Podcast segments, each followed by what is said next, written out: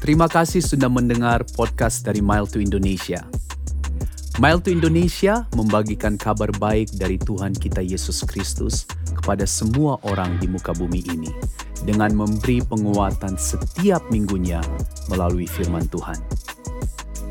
Pelayanan kami dapat terlaksana atas kerjasama dari para mitra pelayanan online kami, yaitu melalui support secara berkelanjutan dengan pemberian secara online dan seberapapun jumlah yang Bapak, Ibu, Saudara-saudari berikan kepada pelayanan Mile to Indonesia akan sangat membantu kami Mile to Indonesia untuk memberitakan kabar keselamatan kepada ribuan orang setiap minggunya. Jadilah mitra pelayanan kami dengan mengunjungi website kami miletoindonesia.com. Dan sekali lagi, terima kasih banyak atas semua support yang diberikan dan selamat menyaksikan berita firman Tuhan minggu ini. Salam sejahtera dalam kasih Kristus. Terima kasih saudara telah bergabung bersama ibadah online Mile to Indonesia. Pada hari ini saya mau berbicara tentang peran orang percaya. Ya, peran orang percaya. Sebelum saya berbicara lebih lanjut, saya mengajak kita berdoa bersama. Mari kita berdoa. Terima kasih Tuhan Yesus buat kesempatan yang kau berikan kepada kami untuk mendengar akan kebenaran firman-Mu. Berbicaralah kepada kami ya Tuhan, karena kami membutuhkan firman-Mu sebagai petunjuk di dalam kehidupan kami. Terima kasih, kami juga memohon roh kudus membantu kami untuk melakukan firman yang kami dengar di dalam kehidupan kami sehari-hari. Di dalam nama Yesus Kristus kami berdoa. Amin.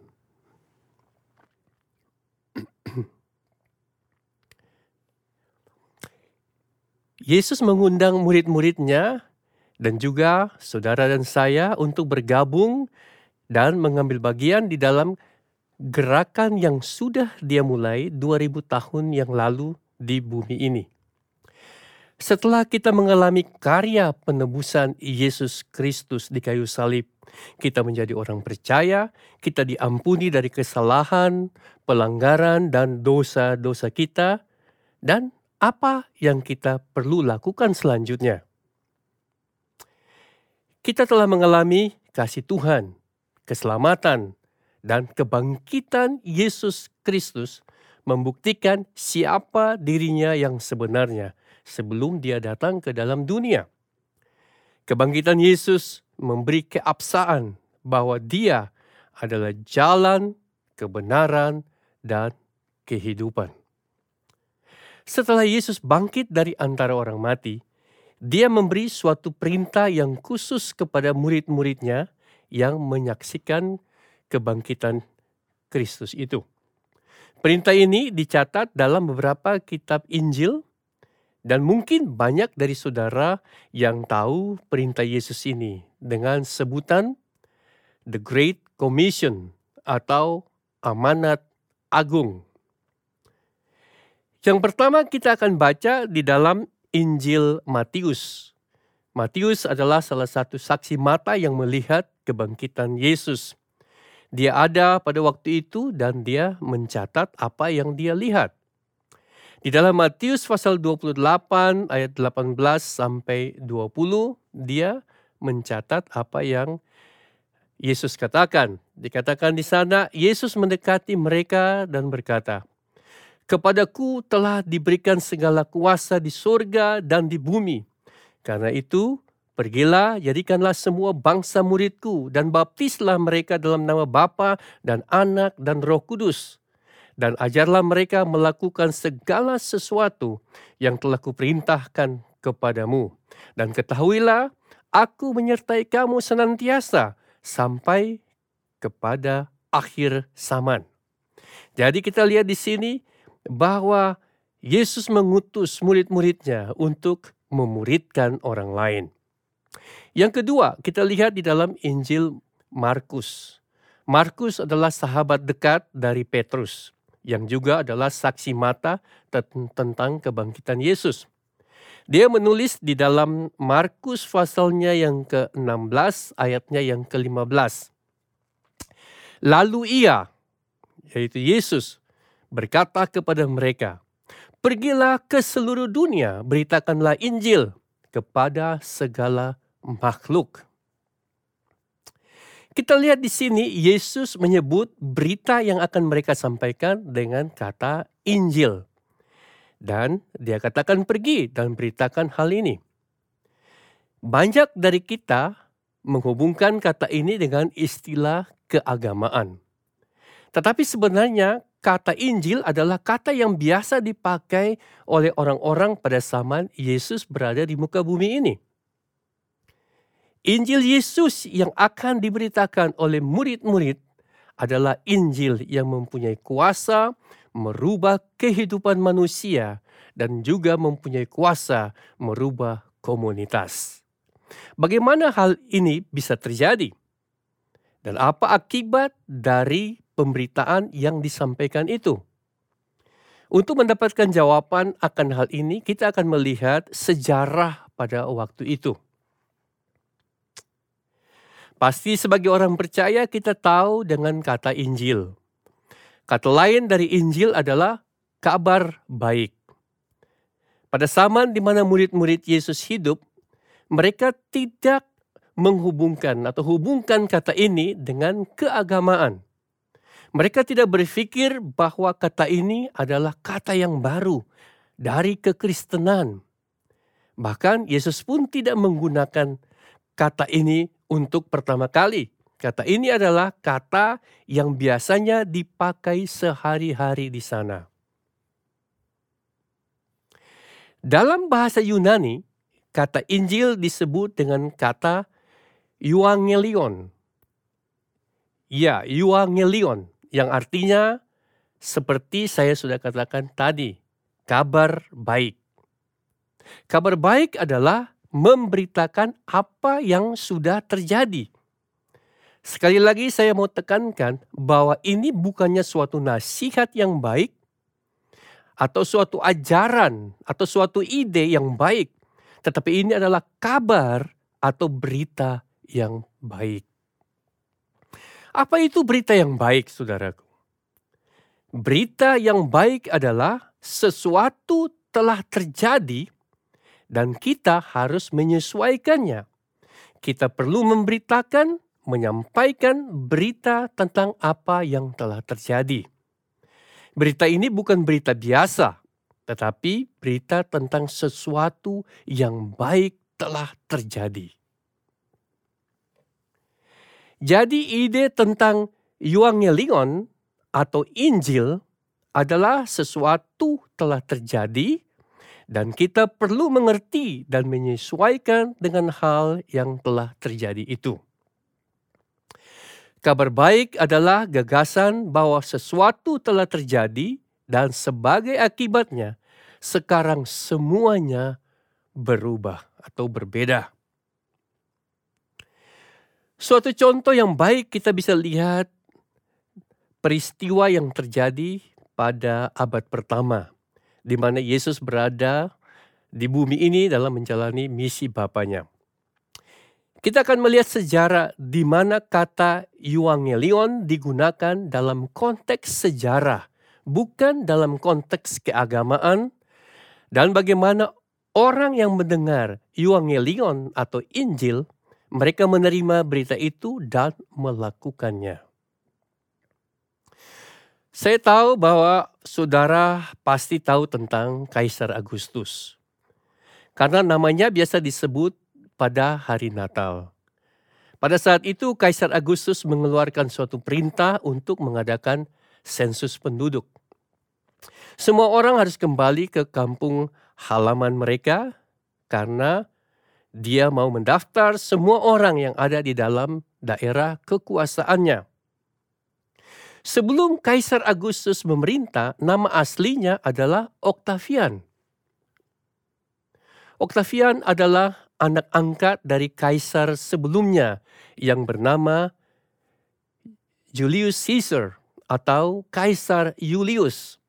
Saudara pasti mengenal namanya mungkin dari sejarah Romawi atau karya-karya dari Shakespeare, pujangga terkenal dari Inggris. Kita tahu bahwa Kaisar Julius dikhianati dan dibunuh oleh, oleh Brutus dan Cassius pada tahun 44 sebelum Masehi. Karena mereka ingin mendapatkan kekuasaan atas Roma. Setelah Kaisar, Kaisar Julius mati, terjadilah perang saudara di Roma selama 12 sampai 14 tahun.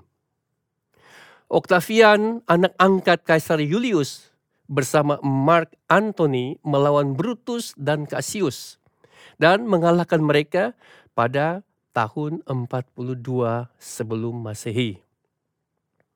Namun setelah itu Octavian dan Antony saling berperang untuk menjadi kaisar Roma. Pada tahun 32 sebelum Masehi, Octavian mengalahkan Antony dalam suatu pertempuran yang hebat untuk menguasai Roma. Menurut sejarah, Antoni yang bersekutu dengan Cleopatra, Ratu Mesir, melarikan diri ke Mesir dan bunuh diri. Tetapi Octavian baru bisa ke Roma untuk mengambil kekuasaan secara resmi setelah dua tahun kemudian. Karena dia harus menghentikan perang saudara yang masih terjadi di sana. Selama dua tahun perang saudara terjadi di luar kota Roma. Dan penduduk Roma berada dalam kubu-kubu yang berbeda. Dan menanti siapa yang akan memerintah Roma. Bersamaan dengan itu ada utusan yang diutus untuk menyampaikan berita tentang apa yang telah terjadi. Di mana Antoni telah dikalahkan oleh Octavian. Dan Octavian akan memerintah Roma. Selama dua tahun Octavian harus menghentikan perang saudara yang terjadi di mana-mana. Dan juga ia harus menjalin hubungan yang baik dengan Mesir. Karena pada waktu itu Mesir sedang berlimpah dengan bahan makanan dan merupakan sumber yang akan menyuplai bahan makanan untuk Roma. Jadi dalam dua tahun ini penduduk Roma hidup di masa antara deklarasi di mana Octavian telah mengalahkan Antoni dengan penobatannya sebagai Kaisar Roma. Jadi selama dua tahun penduduk Roma telah mendengar berita Yungalion tentang sesuatu yang telah terjadi di mana Octavian telah mengalahkan Antoni dan mereka mengharapkan dia akan memerintah Roma sebagai akibat dari apa yang sudah terjadi. Selama masa ini, Injil Octavian, kabar baik tentang Octavian disebarkan ke mana-mana. Dan bagi mereka yang mendengar berita atau kabar baik ini, dan yang tidak mendukung Octavian, mereka harus merubah cara hidup mereka. Dan bagi mereka yang mendukung Octavian, hidup mereka akan diperhatikan. Menurut sejarah, setelah kematian Cleopatra, semua hartanya dipakai untuk membiayai hidup veteran perang. Inilah konteks di mana mereka hidup pada saat itu. Dengan konteks ini, maka orang Kristen mula-mula mengerti tentang gagasan kabar baik ini. Dan kabar baik yang disampaikan oleh orang Kristen mula-mula ini sebagai undangan bagi kita juga untuk dilakukan. Sebagai orang percaya, kita diperintahkan untuk memberitakan kabar baik. Kabar baik yang merubah segala sesuatu.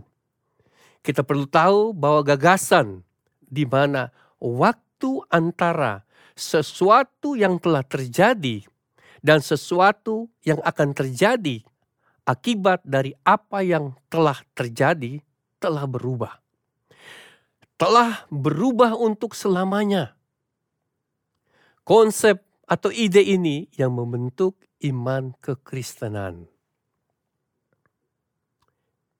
Jadi, kalau kita diperintahkan pergi beritakan kabar Injil atau kabar baik atau Injil tentang Yesus Kristus, seperti inilah yang Yesus maksudkan.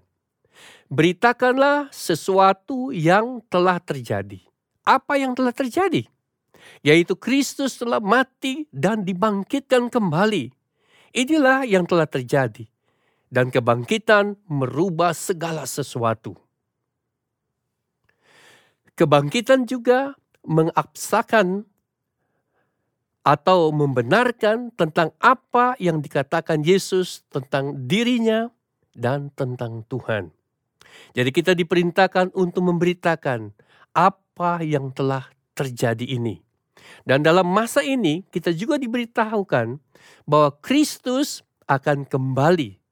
Dan kalau Kristus kembali, dia akan menetapkan kerajaannya di bumi ini seperti di surga. Kalau kita membaca Alkitab, khususnya dalam kitab Wahyu, dikatakan bahwa surga akan turun dan menyatu dengan bumi. Ada pembaharuan, ada perubahan. Segala sesuatu menjadi baru. Akan ada peraturan baru di mana surga menjadi satu dengan bumi. Jadi sesuatu telah terjadi dan sesuatu akan terjadi. Dan kita hidup di tengah-tengahnya. Yaitu kita hidup di zaman gereja. Atau sering dikatakan dalam firman Tuhan.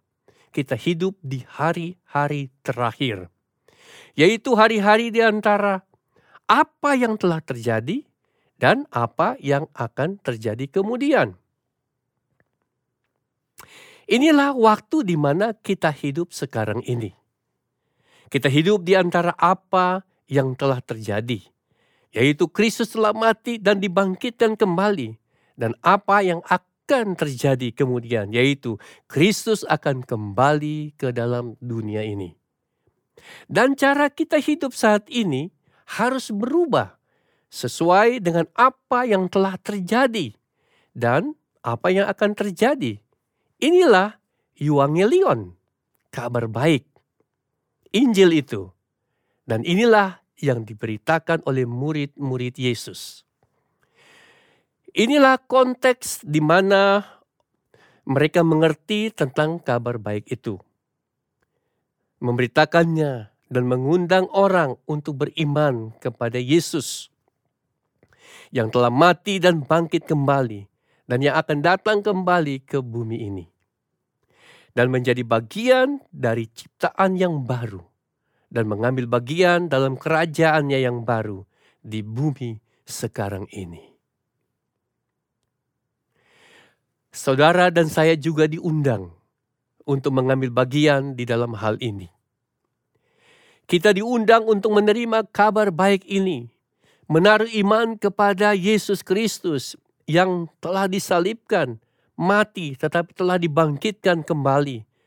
Dan kita juga menaruh harapan pengharapan kita pada janjinya bahwa Yesus akan kembali lagi.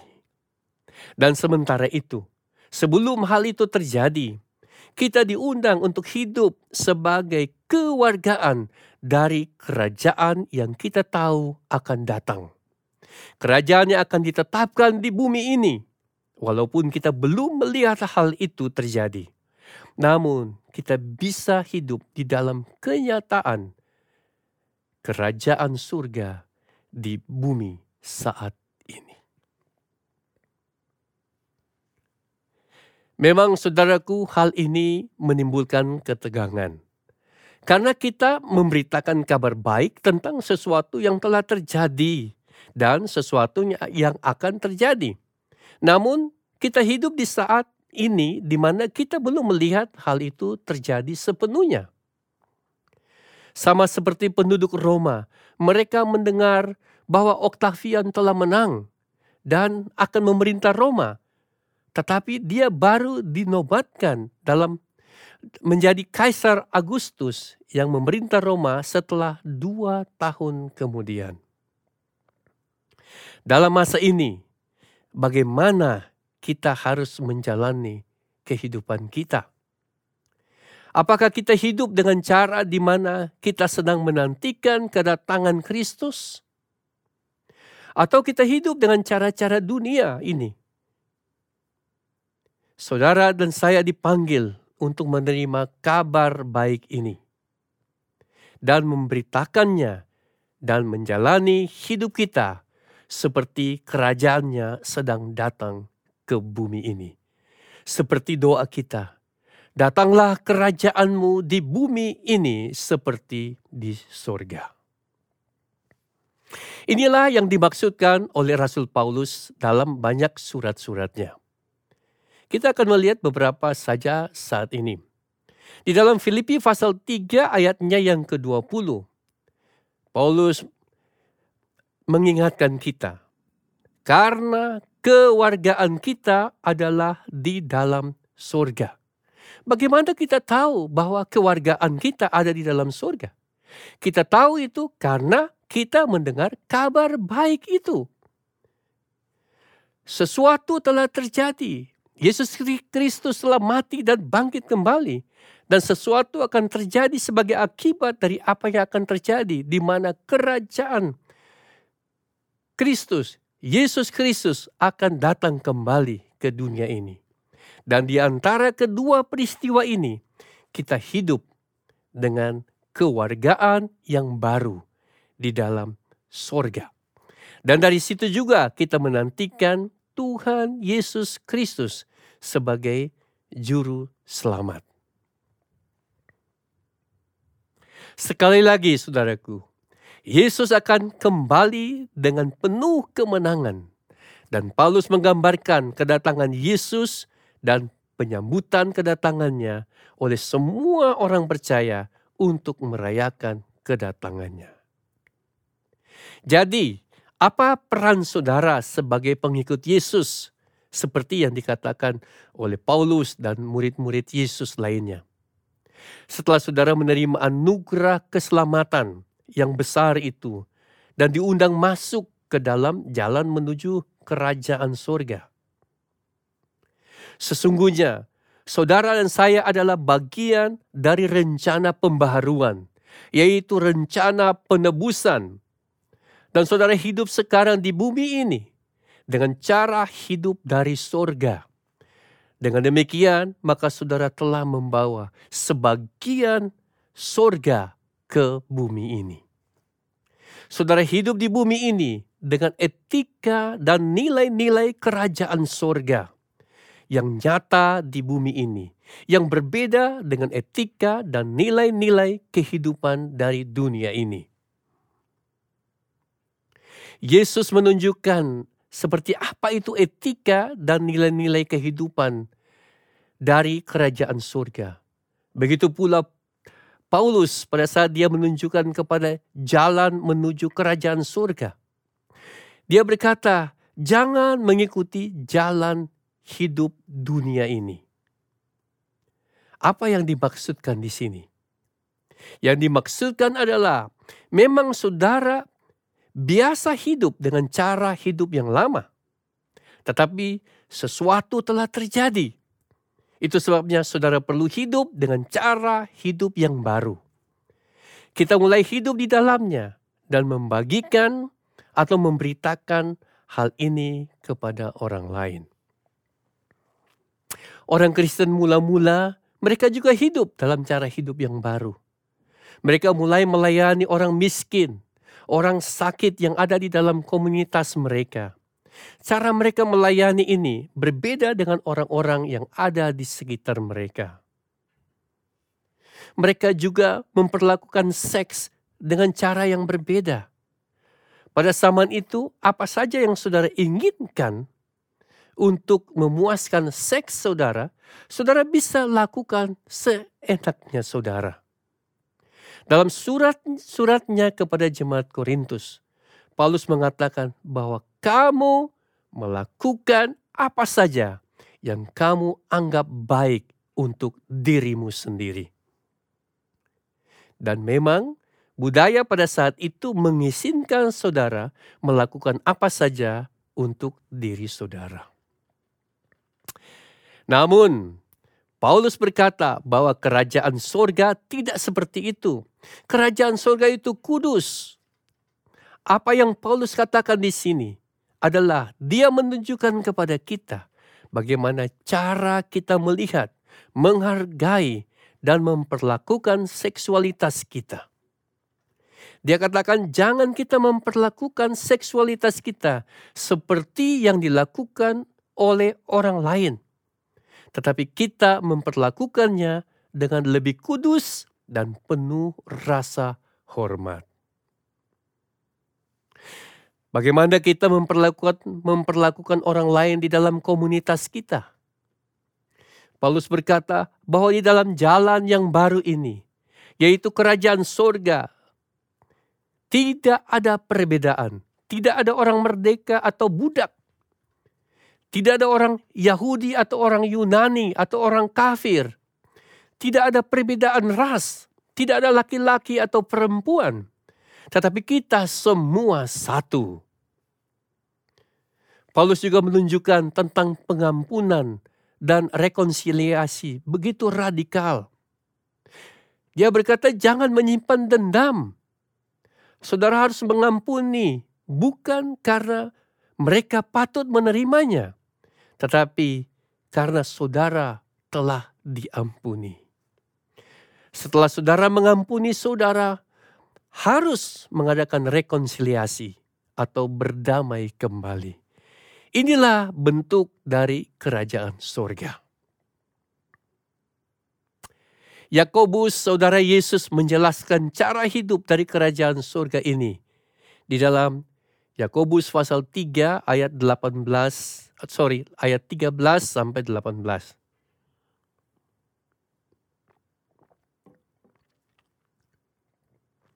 Yakobus pasal 3 ayat 13 sampai 18. Siapakah di antara kamu yang bijak dan berbudi? Baiklah ia dengan cara hidup yang baik menyatakan perbuatannya oleh hikmat, hikmat dari atas, dari sorga yang lahir dari kelemah lembutan. Jika kamu menaruh perasaan iri hati dan kamu mementingkan diri sendiri, janganlah kamu memegahkan diri dan janganlah berdusta melawan kebenaran. Itu bukanlah hikmat yang dari atas, bukan hikmat dari sorga, tetapi dari dunia dan dari hawa nafsu manusia, dari setan-setan. Sebab di mana ada iri hati dan mementingkan diri sendiri, di situ ada kekacauan dan segala macam perbuatan jahat. Kemudian dia menjelaskan hikmat yang dari atas itu. Tetapi hikmat yang dari atas, yang dari sorga, adalah pertama-tama murni, selanjutnya pendamai, peramah, penurut, penuh belas kasihan, dan buah-buah yang baik. Tidak memihak dan tidak munafik. Dan buah yang terdiri dari kebenaran ditaburkan dalam damai untuk mereka yang mengadakan damai. Inilah gambaran cara hidup dari kerajaan sorga. Dan kita tahu bahwa kerajaan sorga akan sepenuhnya datang ke dalam dunia. Tetapi sebelum hal itu terjadi, maka kita sebagai orang percaya adalah wakil-wakil dari kerajaan surga. Kita telah menerimanya dan hidup di dalamnya, dan kita juga perlu membagikan kepada orang lain. Kita membawa surga ke bumi ini, ke mana saja kita pergi, dan mengundang orang lain untuk beriman kepada Yesus dan bergabung di dalam jalan kepada kehidupan yang kekal. Kita mengundang orang lain ke dalam jalan kehidupan ini. Kita memuridkan mereka bukan bukan dengan cara cara atau acara-acara yang glamor, meriah, kelihatan hebat, tetapi bentuk dari mengundang dan memuridkan orang lain adalah sebagai berikut kita menjadi orang yang stabil, beriman, setia, berbuah, berkorban, dan hidup seperti Kristus. Ya, stabil, beriman, setia, berbuah, berkorban, dan hidup seperti Kristus. Saudara dan saya diundang untuk hidup seperti ini. Pada saat kita menerima kabar baik itu dan kita hidup di dalamnya, maka hal itu akan menghasilkan kehidupan yang stabil di dalam Tuhan. Itu akan menghasilkan iman di dalam kehidupan kita, menghasilkan kesetiaan. Kita akan berbuah dan kita akan berkorban dan hidup kita seperti Kristus. Paulus berkata di dalam 1 Korintus 15 ayatnya yang ke-58. Sesudah dia berbicara tentang pengharapan akan kebangkitan, dia berkata, Karena itu saudara-saudaraku yang kekasih, berdirilah teguh, jangan goyah, dan giatlah selalu dalam pekerjaan Tuhan. Sebab kamu tahu bahwa dalam persekutuan dengan Tuhan, jerih payamu tidak sia-sia. Haleluya. Saudara dan saya dipanggil untuk menerima kabar baik, membagikan kabar baik itu, dan hidup sesuai dengan cara hidup kerajaan surga. Pada saat ini, di dalam pengharapan akan janji kedatangan kerajaan surga yang sepenuhnya di bumi ini. Hal ini tepat sekali dengan apa yang Yesus katakan dalam doanya pada saat dia mengajar bagaimana cara berdoa. Pasti saudara pas, masih ingat baris kedua di dalam doa itu. Bapa kami yang di surga, dikuduskanlah namamu. Dan kita berdoa, datanglah kerajaanmu, jadilah kehendakmu di bumi seperti di surga. Apa arti Datanglah kerajaanmu, jadilah kehendakmu di bumi seperti di sorga. Artinya kita mengambil pekerjaan penebusan yang Yesus telah lakukan bagi kita. Dan kita membawa cara kehidupan kerajaan sorga ke dalam hidup kita. Dan kita hidup di dalamnya sambil menantikan kedatangan kerajaan sorga sepenuhnya. Dengan demikian, kita membawa sebagian kerajaan surga di bumi ini. Inilah yang dilakukan oleh Yesus pada saat dia mengajar orang banyak. Dia mengampuni dosa mereka, menyembuhkan sakit penyakit mereka, mengajarkan orang tentang kerajaan surga. Apa yang dilakukannya? Dia sedang membawa kerajaan surga datang ke bumi. Dia tunjukkan kepada orang banyak bahwa seperti inilah kerajaan surga itu. Yesus berkali-kali mengajarkan hal ini dalam banyak perumpamaannya dan mengutus murid-muridnya untuk memberitakan hal ini, membawa kerajaan surga ke bumi ini. Jadi saudaraku, saudara bisa membawa surga ke bumi ini dalam tiga hal. Yang pertama, saudara membawa surga ke bumi di mana saudara bekerja. Apa yang saudara kerjakan sebagai pegawai negeri atau pegawai swasta, sebagai seniman, politisi, apa saja yang saudara lakukan, pekerjaan saudara menunjukkan pekerjaan Tuhan di bumi ini. Dengan cara hidupmu seperti yang dikatakan oleh Yakobus tadi, saudara membawa sorga ke bumi. Saudara hidup di dalam hidup yang murni, tidak ada kemunafikan.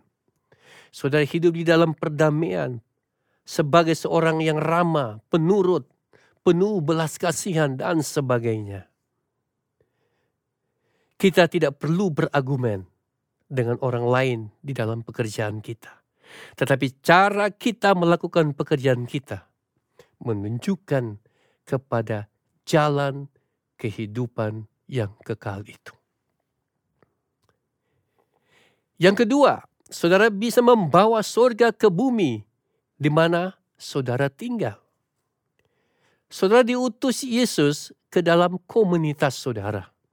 Saudara hidup di tengah-tengah komunitas di dalam kehidupan sorry di, tengah-tengah komunitas saudara dengan membawa surga ke bumi melalui kehidupan saudara yang sesuai dengan kerajaan surga.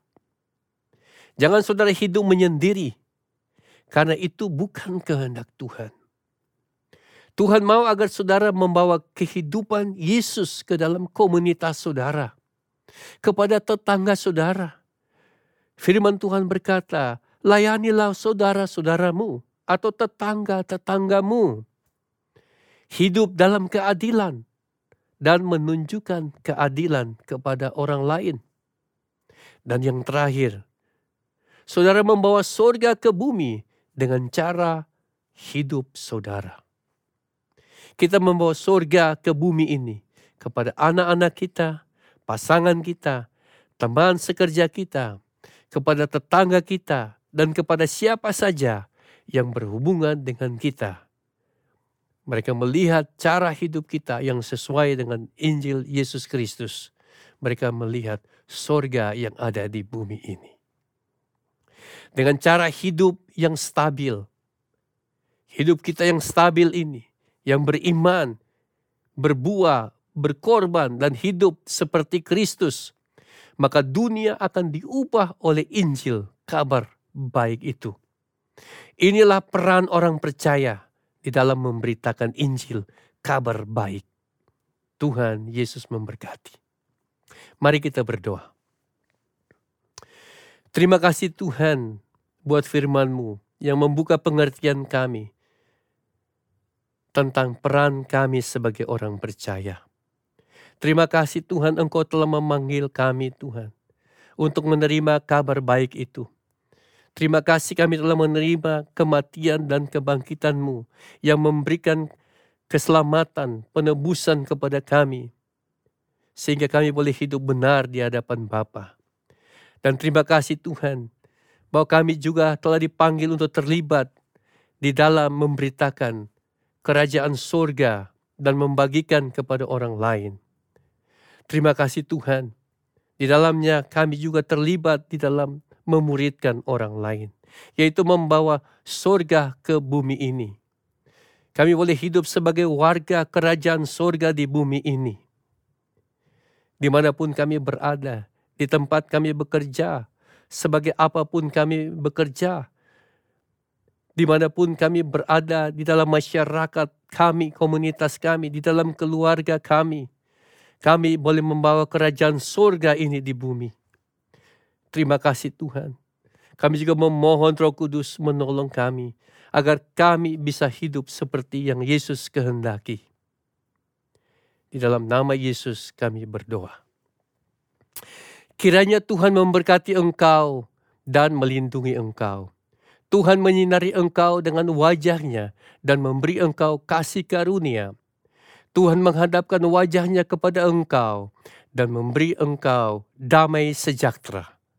Amin. Terima kasih banyak sudah mendengarkan pesan firman Tuhan di minggu ini. Dan jikalau Bapak, Ibu, Saudara-saudari ingin menghubungi kami selama minggu berjalan, silakan mengunjungi website kami yaitu miletoindonesia.com. Di dalam website kami, Bapak, Ibu, Saudara-saudari dapat mencantumkan permohonan doa, bergabung dengan doa online setiap minggunya, dan juga dapat mencari referensi khotbah-khotbah yang lainnya yang tentunya dapat menguatkan iman percaya. Kami berharap dengan ini semua, cinta kasih kita kepada Tuhan dan sesama terus bertumbuh. Tuhan Yesus memberkati kita.